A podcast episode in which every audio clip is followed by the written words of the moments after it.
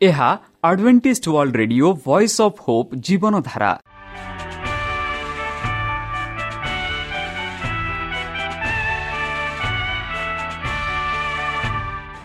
Odia radio କାର୍ଯ୍ୟକ୍ରମ ଯାହା ଆମର ଆନ୍ତର୍ଜାତୀୟ ଆଘାତ କେନ୍ଦ୍ରରୁ ପ୍ରସାରଣ କରାଯାଉଛି ପ୍ରତିଦିନ ରାତି ନଅଟା ତିରିଶ ମିନିଟ୍ରେ। ମୁଁ ସୁବ୍ରତ କୁମାର ପତି ପ୍ରେମର ସହ ଆପଣମାନଙ୍କୁ ଏହି କାର୍ଯ୍ୟକ୍ରମକୁ ସ୍ୱାଗତ କରୁଅଛି। ଚାଲନ୍ତୁ ଆଜିର ତିରିଶ ମିନିଟ୍ର କାର୍ଯ୍ୟକ୍ରମ ବିଷୟରେ ଜାଣିନେବା। ପ୍ରଥମେ ରଖିଛୁ ଆଧ୍ୟାତ୍ମିକ ଭକ୍ତିମୟ ଗୀତ। ଭକ୍ତଙ୍କଠାରୁ ଜୀବନଦାୟକ ଈଶ୍ୱରଙ୍କ ବାକ୍ୟ। ପ୍ରିୟ ଶ୍ରୋତା ତାହେଲେ ଚାଲନ୍ତୁ ଶୁଣିବା ଏକ ଆଧ୍ୟାତ୍ମିକ ଭକ୍ତିମୟ ଗୀତ।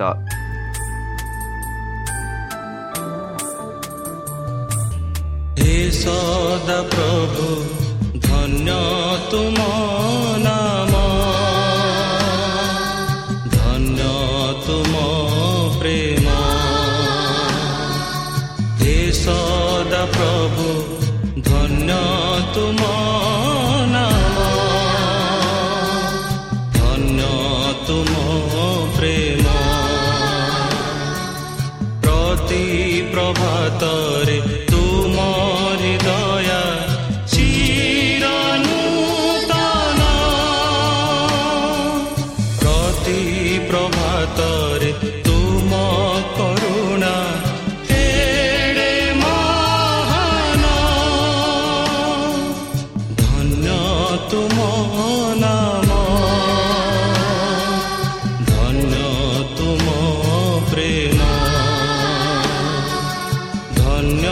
ତୁମ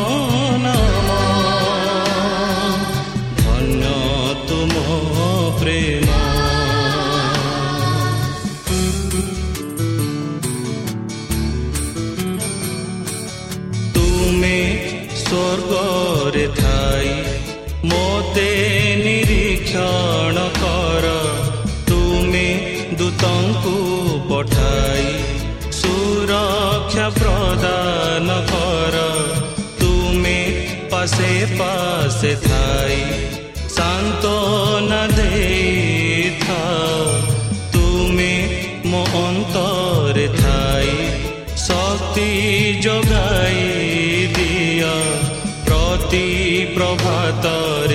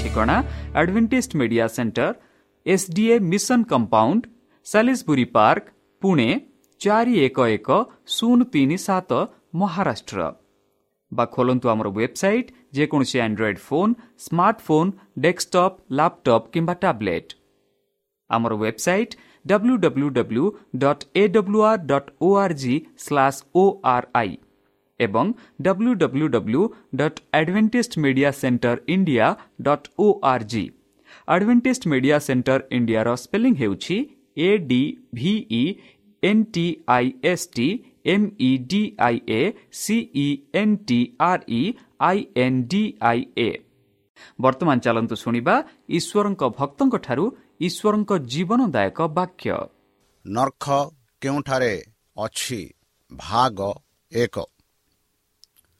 ନମସ୍କାର ପ୍ରିୟ ଶ୍ରୋତା ସେହି ସର୍ବଶକ୍ତି ସର୍ବଜ୍ଞାନୀ ପ୍ରେମର ସାଗର ଦୟାମୟ ଅନ୍ତର୍ଜମୀ ଅନୁଗ୍ରହ ପରମ ପିତାଙ୍କ ମଧୁର ନାମରେ ମୁଁ ପାଷ୍ଟ ପୂର୍ଣ୍ଣଚନ୍ଦ୍ର ଆଉଥରେ ଆପଣମାନଙ୍କୁ ଏହି କାର୍ଯ୍ୟକ୍ରମରେ ସ୍ୱାଗତ କରୁଅଛି।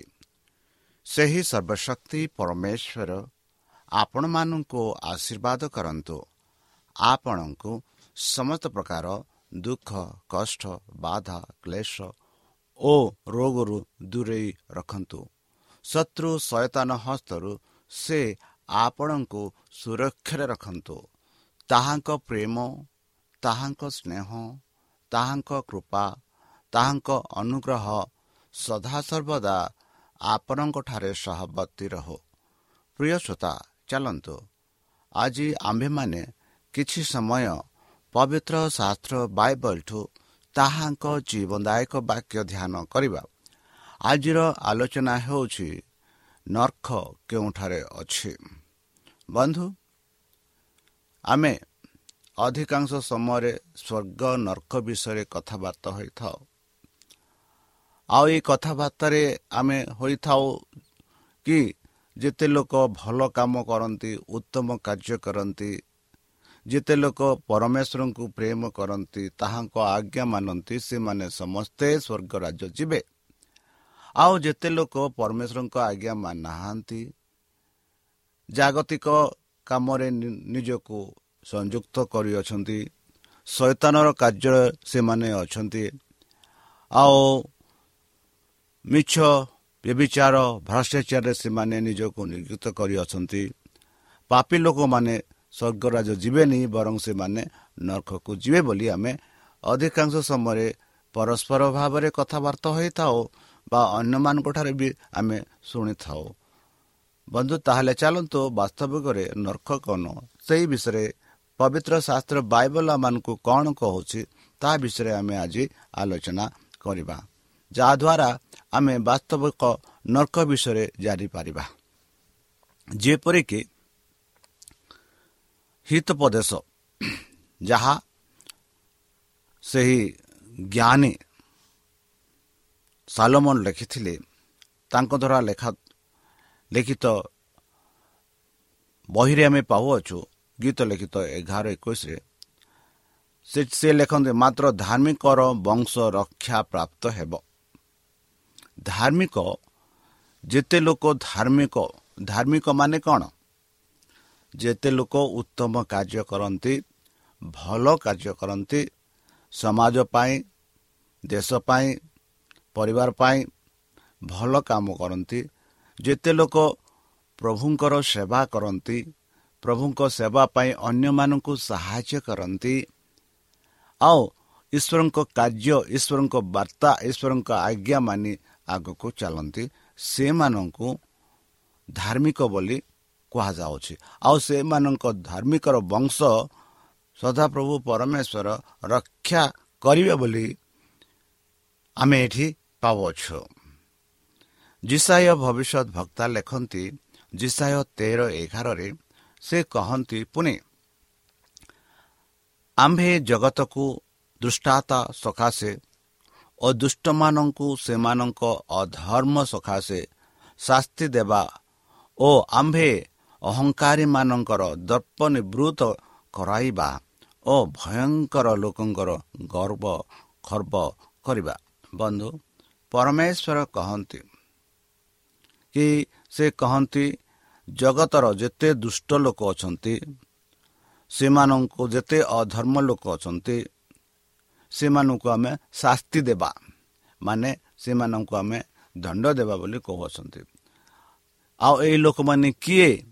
ଯେଉଁ ଲୋକମାନେ ପରମେଶ୍ୱରଙ୍କ କଥା ମାନନ୍ତି ନାହିଁ ପରମେଶ୍ୱରଙ୍କ ଆଜ୍ଞାର ବିପରୀତରେ ସେମାନେ ଚାଲନ୍ତି ଆଉ ଜାଗତିକରେ ନିଜକୁ ସଂଯୁକ୍ତ କରନ୍ତି ଆଉ ସାଂସାରିକ କାମରେ ସେମାନେ ଲାଗି ରହନ୍ତି।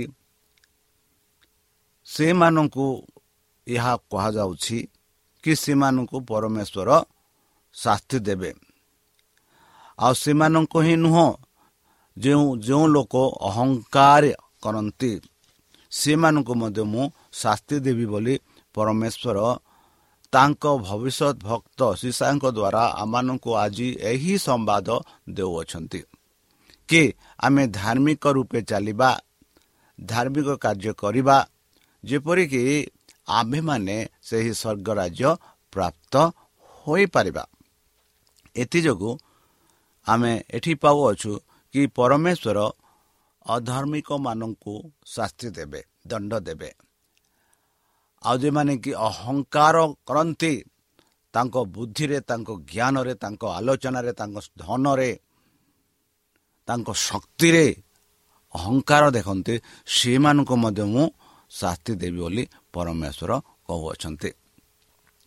ଦ୍ୱିତୀୟ ପିତର ପିତର ଲେଖନ୍ତି ଦ୍ୱିତୀୟ ପିତରରେ ଦୁଇ ନଅରେ ସେ କହନ୍ତି ଏହି ପ୍ରକାରେ ପ୍ରଭୁ ଧର୍ମପରାୟଣମାନଙ୍କୁ ପରୀକ୍ଷାରୁ ରକ୍ଷା କରିବାକୁ ପୁଣି ଅଧର୍ମୀମାନଙ୍କୁ ବିଶେଷତ୍ୱ ଯେଉଁମାନେ ଶରୀରର କୁସ୍ଥିତ କାମାଭିଳାସରେ ଚାଲିତ ହୋଇ ପ୍ରଭୁତ୍ୱ ଅବଜ୍ଞା କରନ୍ତି ସେମାନଙ୍କୁ ବିଚାର ଦିନ ନିମନ୍ତେ ଦଣ୍ଡର ଅଧୀନରେ ରଖିବାକୁ ଜାଣନ୍ତି।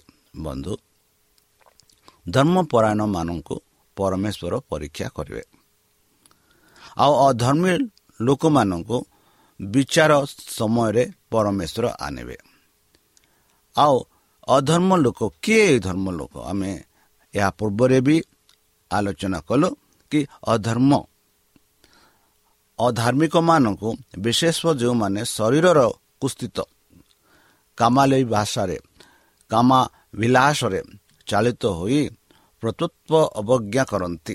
ବିଶେଷ ଭାବରେ ଯେଉଁମାନେ ଶାରୀରର ଶରୀରର କୁସ୍ଥିତ ଅଭିଳାଷରେ ଯାହାକି ଆମେ ବ୍ୟବଚାର କହୁଛୁ ଶରୀରକୁ ବିକ୍ରି କରି ଚାଲିଛନ୍ତି ବା ଶରୀରକୁ ଉନ୍ନତି କରିବା ପାଇଁ ପ୍ରଭୁଙ୍କର ଆଜ୍ଞା ଲଙ୍ଘନ କରିଛନ୍ତି ସେମାନଙ୍କୁ ଅବଜ୍ଞା ଯେଉଁମାନେ ପ୍ରଭୁତ୍ୱ ଅବଜ୍ଞା କରନ୍ତି ପରମେଶ୍ୱର କହନ୍ତି କି ସେମାନଙ୍କୁ ବିଚାର ଦିନରେ ସେମାନଙ୍କୁ ଦଣ୍ଡ ଦିଆଯିବ।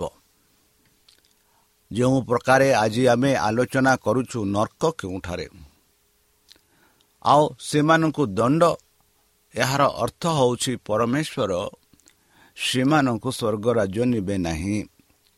ସେମାନେ ଏହି ପୃଥିବୀରେ ମରିବେ ଆଉ ଏହି ପୃଥିବୀରେ ଥିବେ। ସେମାନଙ୍କୁ ସ୍ୱର୍ଗ ରାଜ୍ୟରେ ସ୍ଥାନ ପାଇପାରିବେ ନାହିଁ ବା ସେମାନେ ସ୍ୱର୍ଗ ରାଜ୍ୟରେ ସ୍ଥାନ ପାଇପାରିବେ ନାହିଁ। ଏହା ହେଉଛି ସେମାନଙ୍କର ଦଣ୍ଡ ବୋଲି ଆମେ ଦେଖୁଅଛୁ। ବନ୍ଧୁ ମାଥ୍ୟୁ ପାଞ୍ଚ ଅଣତିରିଶରେ ଆମେ ପାଉ ଏହିପରି ଆଉ ତୁମ୍ଭ ଦକ୍ଷିଣ ଚକ୍ଷୁ ଯେବେ ତୁମର ବିଘ୍ନର କାରଣ ହୁଏ ତେବେ ତାହା ଉପାଡ଼ି ଉପାଡ଼ି ଦିଅ। କାରଣ ତୁମର ସମସ୍ତ ଶରୀର ନରକରେ ନିକ୍ଷିପ୍ତ ହେବା ଅପେକ୍ଷା ଗୋଟିଏ ଅଙ୍ଗ ନଷ୍ଟ ହେବା ତୁମ ପକ୍ଷରେ ଲାଭଜନକ। ବନ୍ଧୁ କେଡ଼େ ସୁନ୍ଦର ଭାବରେ ଯୀଶୁ ଖ୍ରୀଷ୍ଟ ଆପଣା ଶିଷ୍ୟମାନଙ୍କୁ କହିଲେ ଯଦି ଆମ ଅଙ୍ଗ ପତଙ୍ଗରୁ କୌଣସି ଅଙ୍ଗ ପରମେଶ୍ୱରଙ୍କ ବିରୁଦ୍ଧରେ କାର୍ଯ୍ୟ କରୁଅଛି ବିଶେଷ ଭାବରେ ଯଦି ଆମେ ଆଖି ଯଦି କହିବା ଚକ୍ଷୁ ଯଦି ଆମ ଚକ୍ଷୁ ଏମିତି ଜିନିଷ ଦେଖି ସେହି ଜିନିଷକୁ ଦେଖି ପରମେଶ୍ୱରଙ୍କ ବାକ୍ୟକୁ ଅବଲଙ୍ଗ କରି ଚାଲିଅଛି ତେବେ ସେହି ଆଖିକୁ ଉପାଡ଼ି ଦେଇ ଫୋପାଡ଼ି ଦିଅ ବୋଲି ପବିତ୍ର ଶାସ୍ତ୍ର କହୁଅଛି। ଯଦି ଆମ ହସ୍ତ ପାପ ପାଇଁ କଢ଼ାଇ ନେଉଅଛି ତେବେ ସେହି ହସ୍ତକୁ କାଟିଦିଅ ଯେପରି ସେହି ହସ୍ତ ଆଉ ସେଇପଟେ ଦେଖାଇବ ନାହିଁ। ଯଦି ଆମ ପାଦ ଏକ ଭୁଲ କାମ କରିବା ପାଇଁ ଯାଉଅଛି ତେବେ ସେହି ପାଦକୁ କାଟିଦିଅ।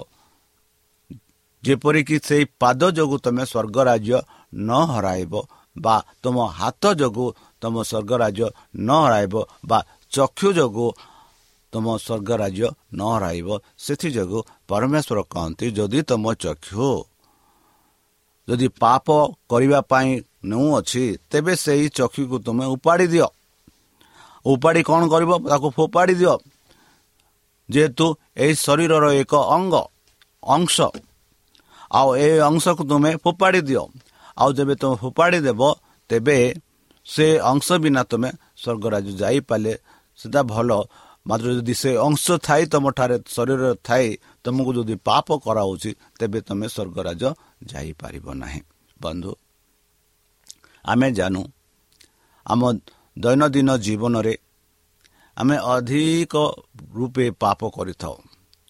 ହୋଇପାରେ ଆମ ଦେଖ ଭାଲରେ ହୋଇପାରେ ଆମ କଥାବାର୍ତ୍ତାରେ ହୋଇପାରେ ଆମ ଆଲୋଚନାରେ ପରମେଶ୍ୱରଙ୍କ ବିରୁଦ୍ଧରେ ପାପ କରୁଅଛୁ।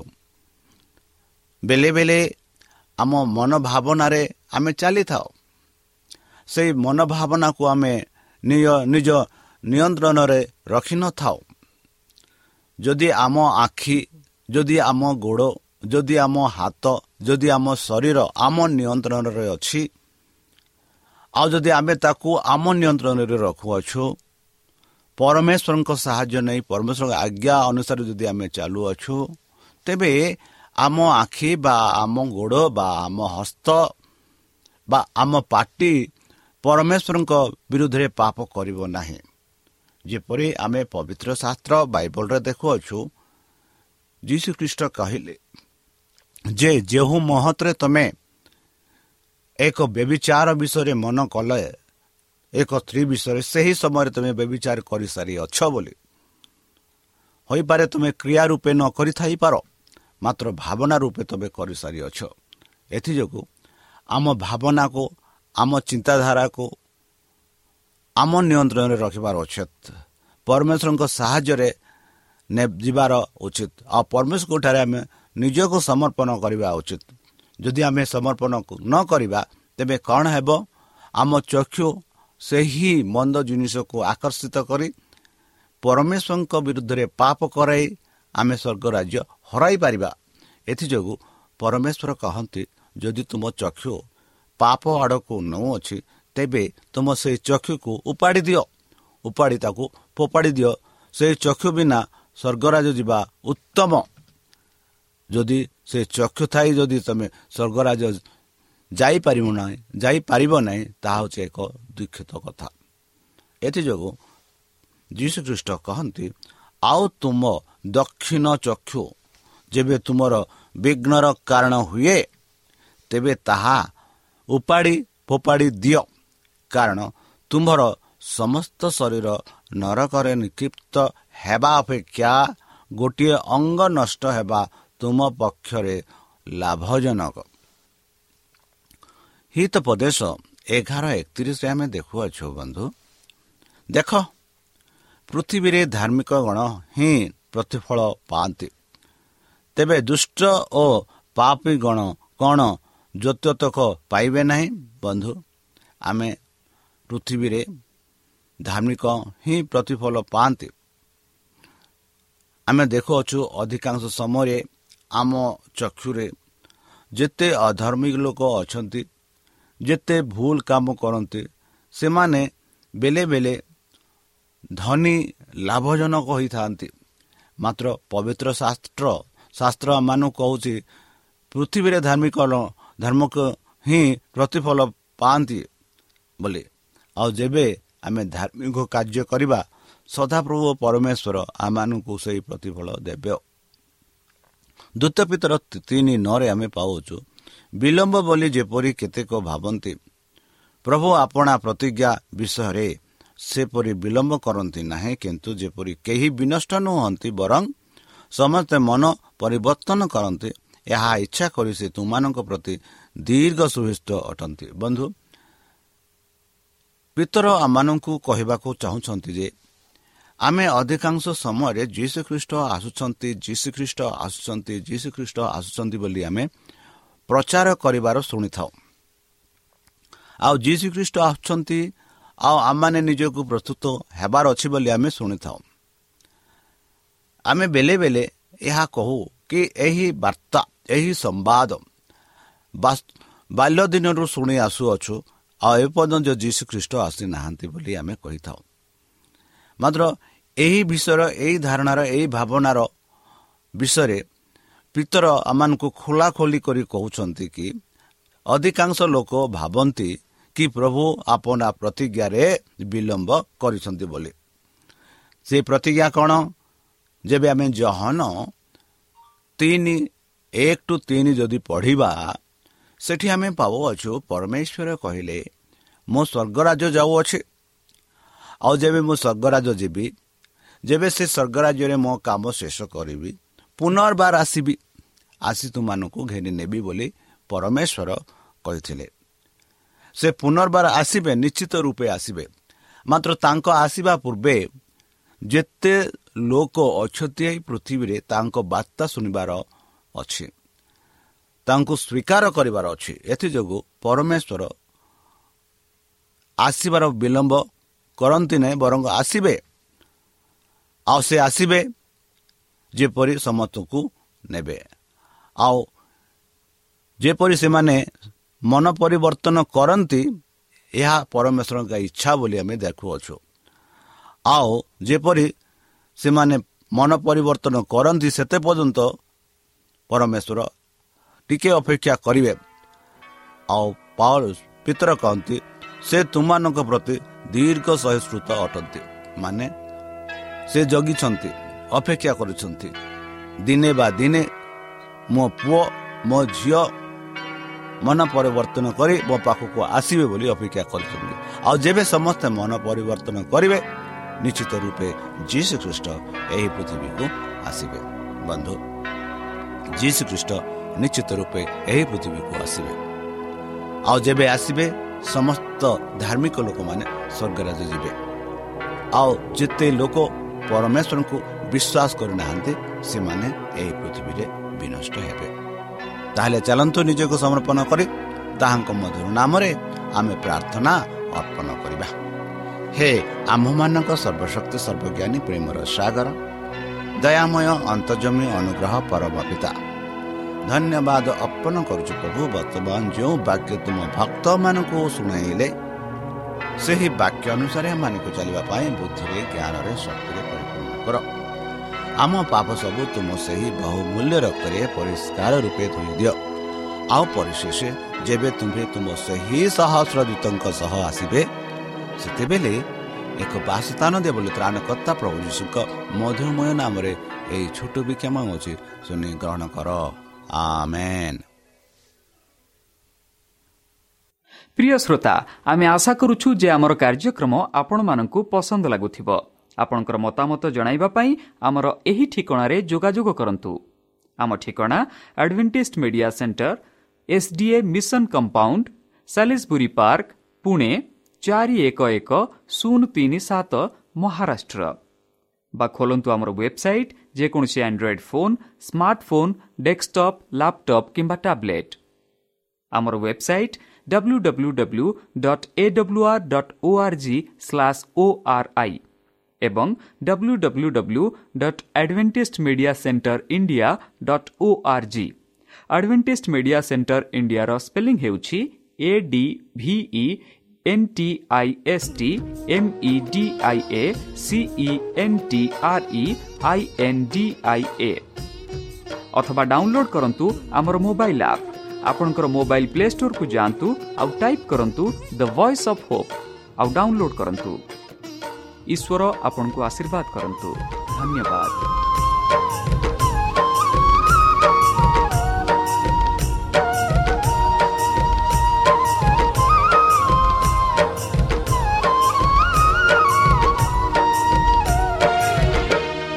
come. on.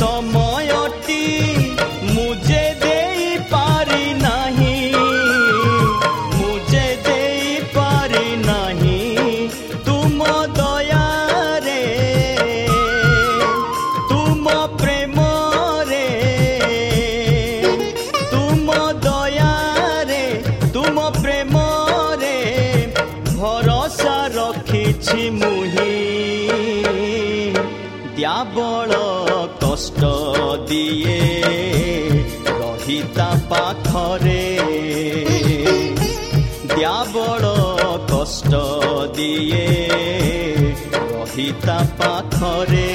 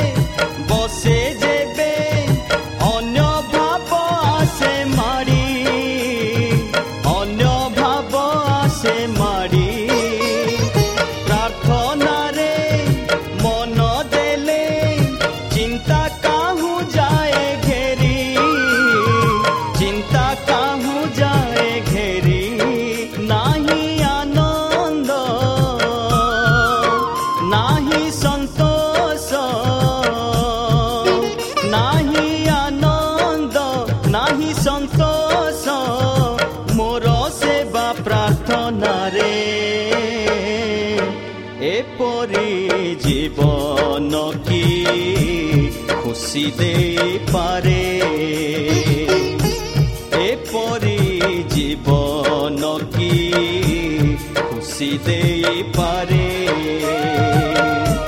ভয় যে ভরি রহিছি ଏହି ଦୁନିଆରେ ସକ୍ଷମ ନୁହଁ ମୁଁ ସେବା କରିବାରେ